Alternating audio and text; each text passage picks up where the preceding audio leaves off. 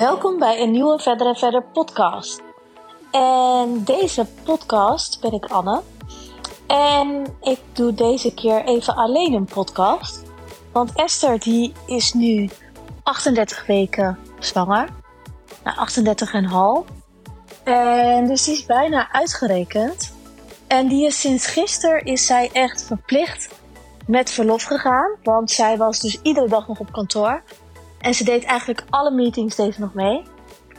Dus ze kon gewoon niet thuis blijven zitten. Omdat ze het gewoon zo gezellig vindt op kantoor. Ze is heel slecht in thuis. Alleen thuis blijven zitten. Dus uh, gisteren hebben... Uh, nee, eergisteren hebben mijn operational manager en ik hebben tegen Esther gezegd dat ze niet meer op kantoor mag komen. Dus dat ze echt verlof moest, moet hebben.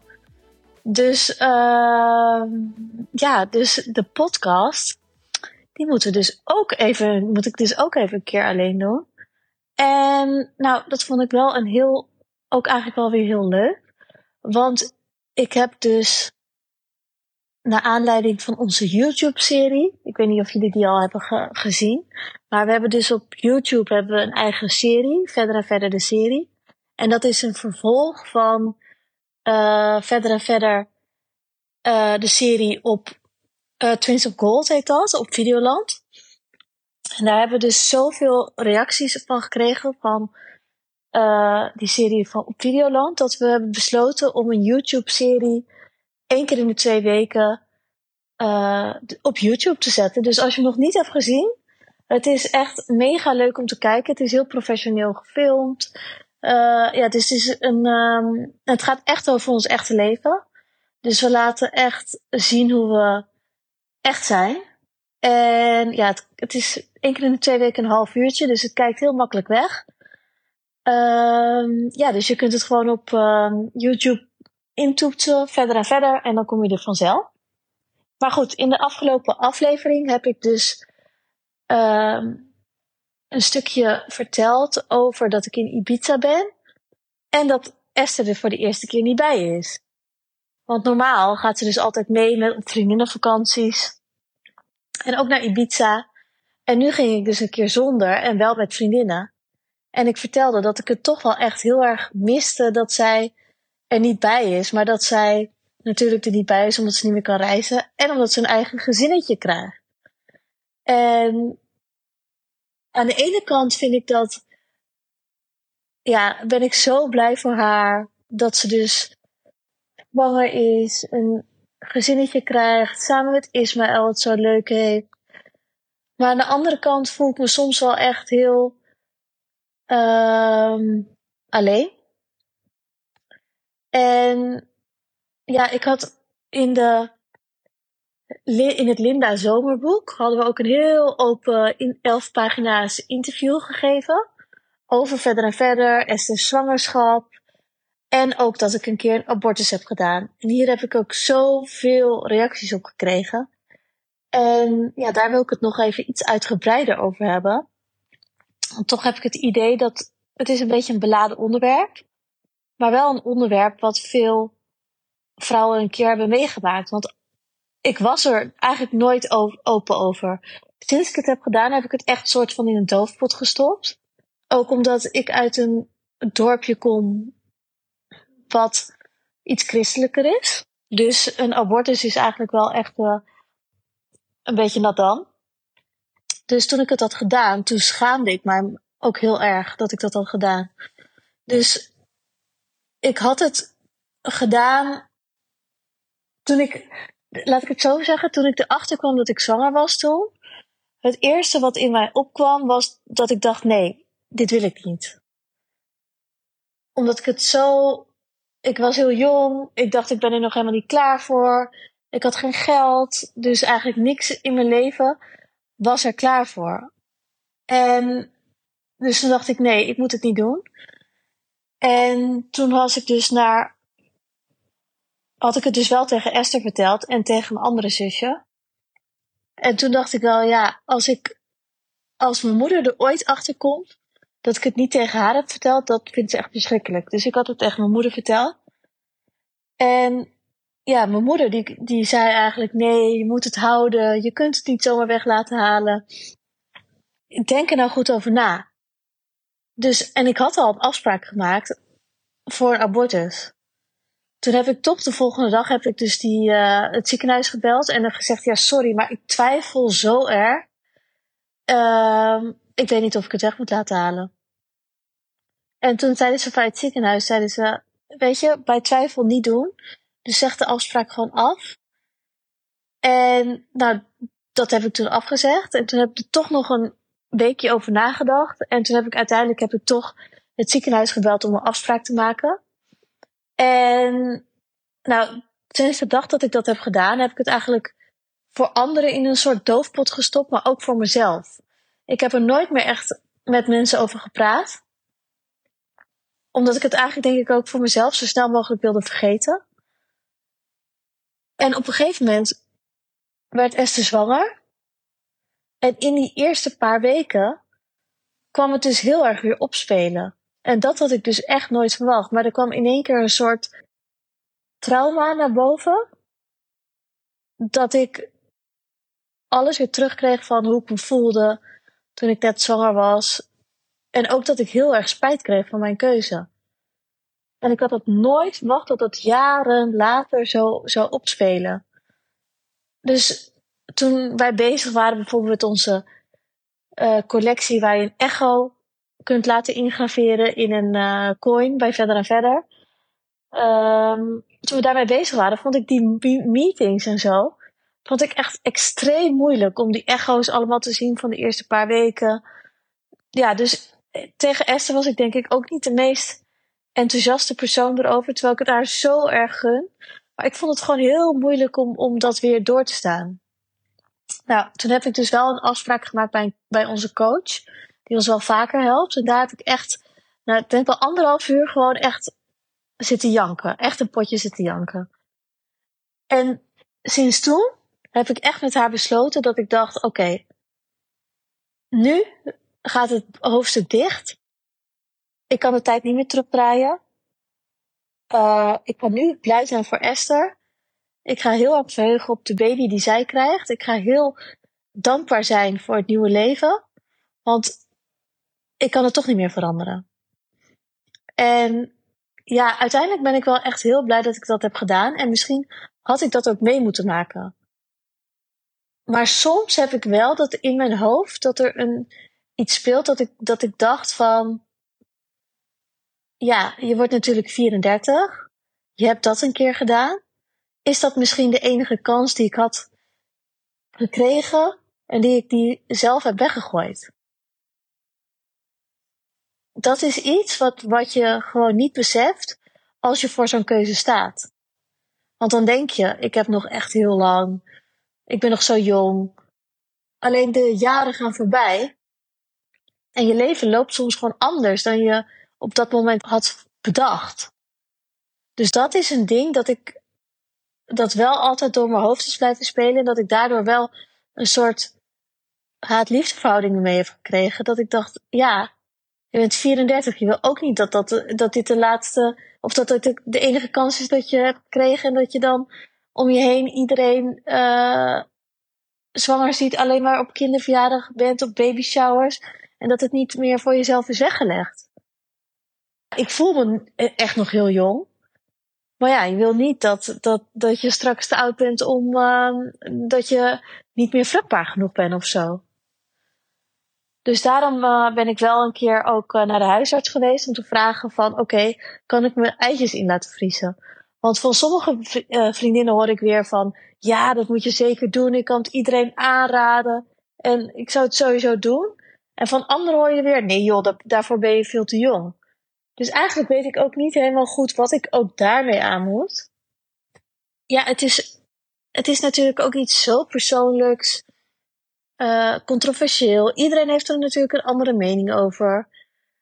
Uh, ja, dus dat vind ik wel echt het moeilijke eraan. Maar hoe goed ik ook nadenk, aan de andere kant heb ik ook wel weer het gevoel dat ik denk: oké, ik ben nu wat ouder. Je ziet zoveel stellen om je heen die ruzies hebben, die uit elkaar liggen, die gewoon, ja, die het gewoon niet gezellig hebben met elkaar. En ik heb wel zoiets dat ik denk, oké, als ik soms naar een sterretje zit te kijken in een restaurant, zit ze dan naast me, hebben ze ruzie, ze praten niet met elkaar, uh, koude oorlog met elkaar te voeren. En dan heb ik wel echt zoiets dat ik denk, oké, nou dan ben ik liever vrijgezel. Of dan heb ja, ik ben liever alleen dan dat ik ongelukkig ben in een relatie. Want dat kan ook nou, nog maar zo, dat je een relatie hebt met iemand en dat je dus gewoon niet gelukkig bent. En ik heb wel zoiets dat ik, aan de andere kant ben ik ook weer heel dankbaar dat ik 34 ben en dat ik de keuze heb om opnieuw iemand te kiezen. Want ik weet, kijk, op je twintigste weet je misschien helemaal niet. Tenminste, ik was een heel ander persoon op mijn twintigste dan dat ik nu ben, op mijn 34ste. Dus in die tussentijd ben ik heel erg gegroeid. Ik ben een heel ander persoon geworden.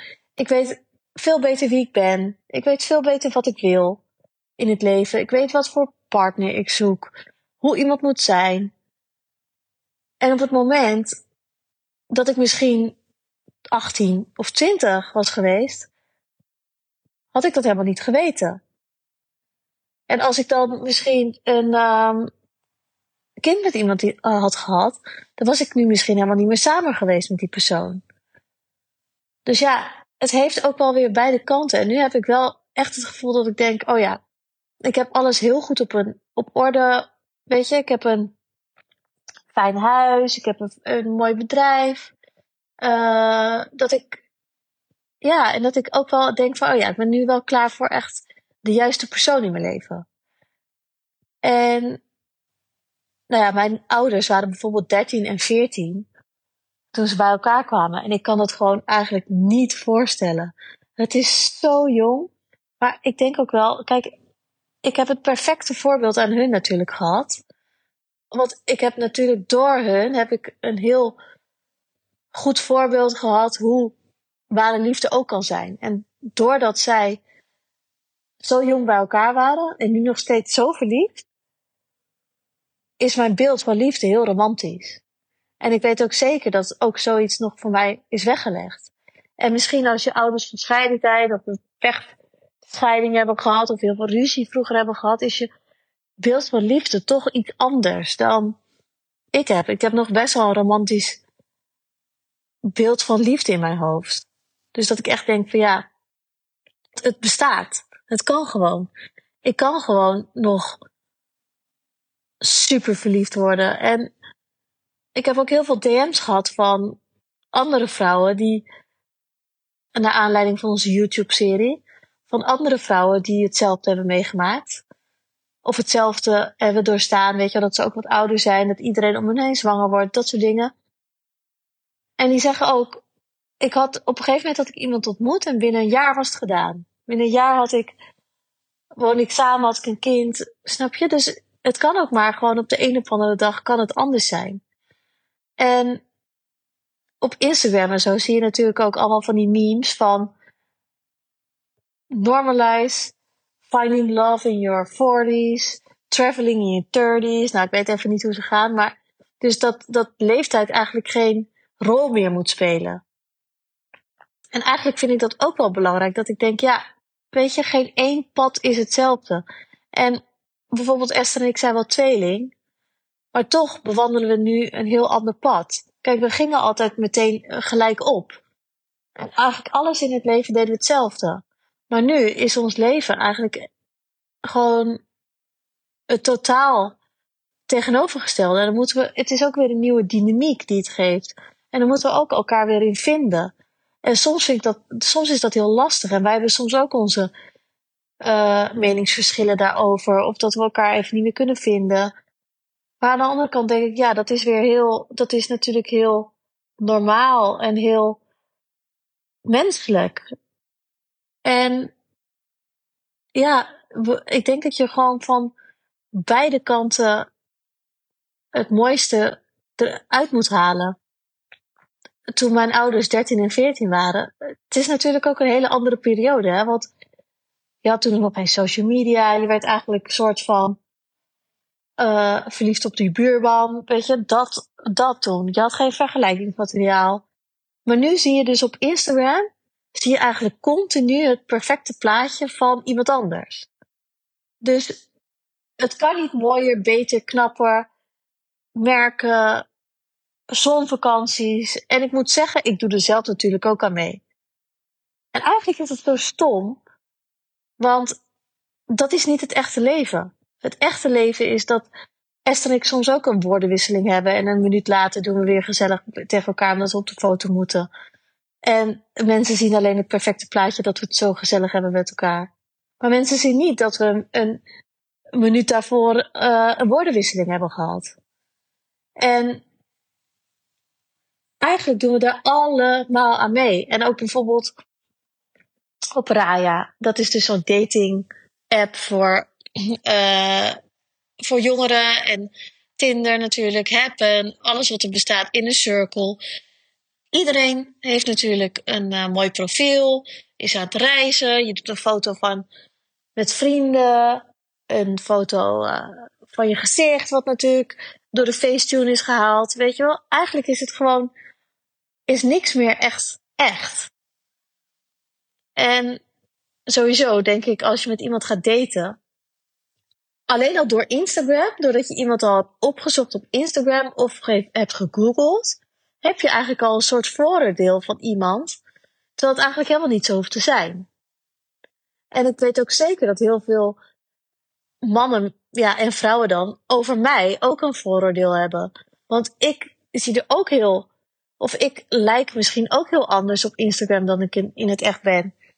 Want op Instagram komt natuurlijk niet je ware persoonlijkheid naar voren. Het lijkt misschien dat ik alleen maar op vakantie ben, dat ik alleen maar op fancy plekken zit, alleen maar uit eten ga.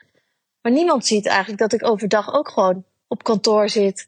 Dat ik op vakantie, dat ik ook stressmomenten heb over werk, dat ik aan het bellen ben met iedereen, dat ik mailtjes aan het beantwoorden ben, uh, dat ik minder gezellig ben daardoor. Maar dat zie je dus allemaal niet op Instagram. Of TikTok of whatever. Dat merk je wel echt heel erg nu. Het wordt gewoon steeds erger. En ik denk dat het trouwens voor mannen dat het nog erger is. Want vrouwen die gebruiken alleen maar Facetune en weet ik veel wat. Dus eigenlijk denk ik dat heel veel vrouwen echt catfish zijn.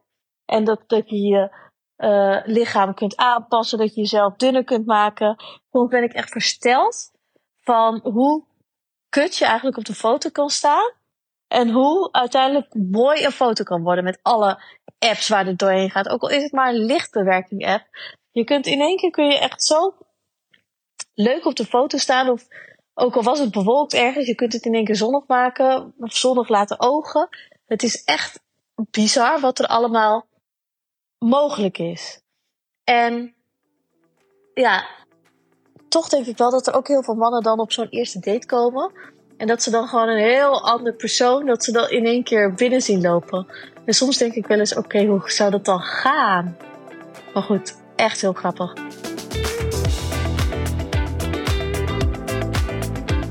Ook over daten gesproken. Ik had laatst met vriendinnen had ik erover dat we eigenlijk een soort codewoord moeten gaan maken. Van als je op een date bent en het is heel kut. Dat je dan uh, iemand uh, groene asperge of zo een appje kan sturen, gewoon een codewoord. En dat je dan wordt gebeld. En dat je dan zegt, oh, ja, er is iets heel ergs met me gebeurd. Je moet nu komen. En dat je dan, dat je dan door de telefoon zegt, geen probleem, geen probleem. Ik kom er nu aan. Nee, het maakt echt niet uit. Nee, nee, nee, nee, nee. Ik kom gewoon. Ja, ik ben nu uit eten, maar het maakt echt niet uit. En dat je dan zegt, ja, sorry, ik moet echt gaan. Kijk, ik denk dat echt heel veel vriendinnen al dit plan al een keer hebben doorgesproken. Maar ik vraag me toch af hoeveel mensen dit echt doen. Want ik denk altijd als ik een kut date heb, denk ik, nou, oké, deze zit ik gewoon wel even uit, zeg maar. Maar in principe wil ik dan gewoon eigenlijk gewoon meteen gaan. Maar toch ga je dan voor de beleefdheid ga je het even uitzitten. Alleen elke keer denk ik weer, nee, dat moet ik gewoon niet doen. Als ik het gewoon niet leuk ergens heb, moet ik gewoon gaan. Maar toch doe je dat dan nooit uit beleefdheid. Dus toch ben ik wel benieuwd hoe dit soort dingen gaan. Oh ja, en dit is ook wel een interessante. ik ging net uh, met mijn zusje ging dus even eten. En we hadden het dus over van. Nou, als je iemand leuk vindt, dan app je elkaar toch veel. Of dan, ja, dan hou je elkaar veel op de hoogte hoe je dag is en zo. Maar als je dat niet doet, ben je dan gewoon niet zo into iemand? Of uh, ben je gewoon niet goed in appen? Of als iemand dat niet bij jou doet, zeg maar. Kun je dat dan schaden in van, oh, hij is niet zo goed in appen of hij is niet zo sociaal op WhatsApp? Of is het dan zo dat iemand jou eigenlijk niet leuk genoeg vindt? Kijk, wat ik merk soms wel aan mezelf, dat als ik iemand echt leuk vind, dat ik dan echt heel goed bereikbaar ben. En dat ik dan iemand heel makkelijk app en goed op de hoogte houd, heel grappig ben op de app. Maar als ik iemand dus wat minder leuk vind, dat ik dan slechter bereikbaar ben. En ik denk toch wel dat iets onbewust is.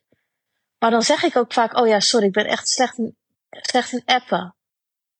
En nou, ik ben sowieso ook wel echt slecht in appen. Dus dat, echt, ik denk dat iedereen die mij kent dit ook zou beamen. Dat ik soms dagen niet van me laat horen. En dan in één keer echt superveel appjes over allemaal koetjes en kalven en onbelangrijke dingen. Dus ik denk dat iedereen ook wel denkt van oké, ja, ze is ook wel slecht in appen. Maar toch denk ik wel als iemand je echt leuk vindt dat je dan wel veel appt. Maar ik vind het wel een interessante theorie. Ik denk dat je gewoon met appen, als je iemand echt leuk vindt, dan wil je gewoon op de hoogte zijn van iemands leven. Wat iemand aan het doen is, inchecken met elkaar van hey, gaat goed met je of niet? En als je dat niet hebt, dan, dan mis je een soort connectie die je misschien wel wil. Maar als je iemand wat minder. Of als je er minder behoefte aan hebt of zo. Dan heb je ook minder behoefte aan te checken van of, hoe het met iemand gaat.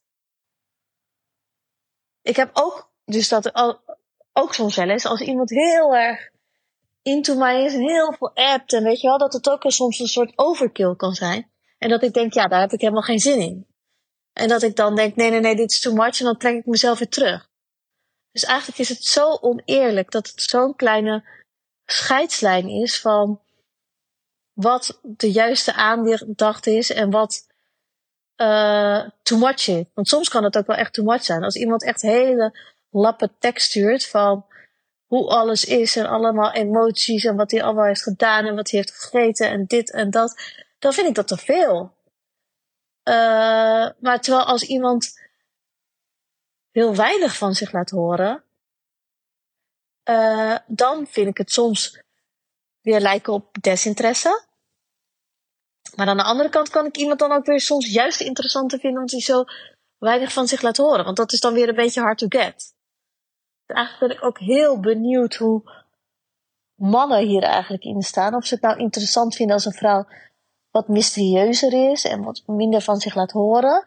Of juist makkelijk bereikbaar, apperig, weet je wel, dat. Want als vrouw zijn, dan wil je soms ook niet too much zijn. Maar je wil ook niet dat je de interesse in iemand laat verliezen of verliest. Dus dat vind ik wel, e-, dat, dat zijn wel echt uh, interessante dingen. En ik ben ook van die boeken aan het lezen en die podcast aan het luisteren over mannen en vrouwen. En ik vind het allemaal zo interessant. Want ik vind mannen vind ik ook soms echt. Ze zeggen wel, uh, vrouwen komen van Mars en uh, mannen, nou, of andersom. En mannen van Venus. Of, ja, volgens mij echt andersom. Maar ik vind mannen dus vind ik echt heel ingewikkeld. Ik, ja, ik weet niet. Soms volg ik mannen echt niet.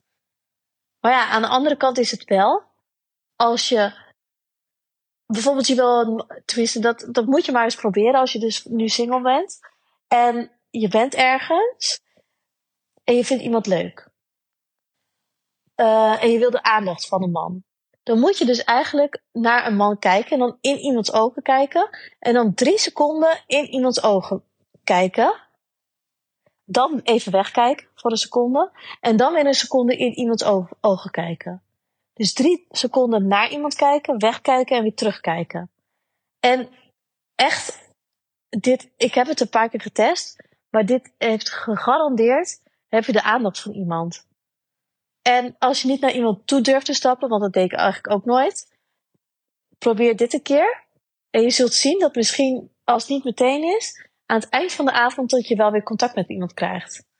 En dat soort dingen vind ik dan zo grappig. Want eigenlijk durfde ik dit soort dingen nooit echt te doen bij mannen. Maar als je eenmaal die drempel over bent, dan is het ook best wel leuk om dat soort dingen te doen. Want kijk, het is zo makkelijk om zeg maar met je vriendinnen in een hoekje in een restaurant te zitten, alleen maar met elkaar bezig te zijn. Uh, niet naar iemand anders durven te kijken, niet met iemand anders durven te praten. Maar ik denk wel dat vrouwen ook best wel assertief mogen zijn. En ook zelf een keer de stoute schoenen aan mogen trekken.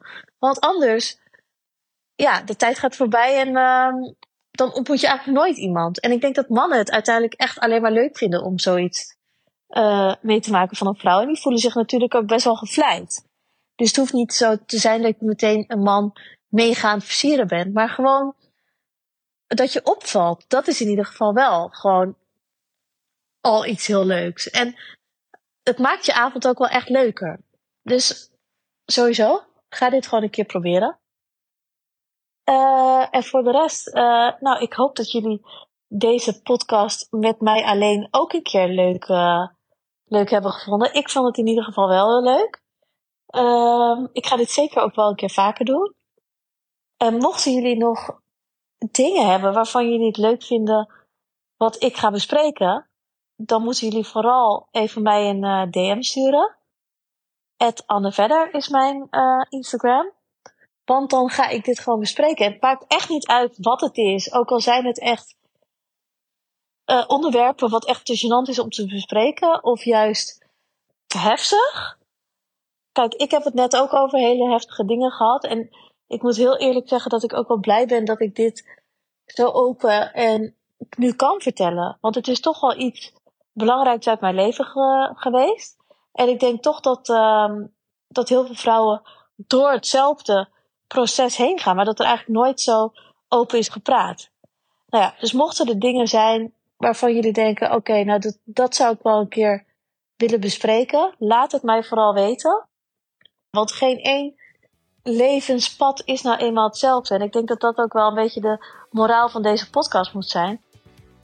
Ik voel me helemaal geen 34. Ik voel me eigenlijk gewoon nog 24. En ik denk dat dat ook gewoon de leidraad moet zijn van iedereen's leven. Gewoon, het maakt niet uit hoe oud je bent. Je kunt alles nog in je leven bereiken en doen. Dus, en ik weet ook zeker dat, dat er voor mij nog heel veel geluk te wachten staat met de juiste persoon. Dus, uh, ja, dus om deze podcast even heel positief af te sluiten. Ik vond het heel leuk. En uh, ja, ik hoor jullie graag voor de volgende podcast. Doei!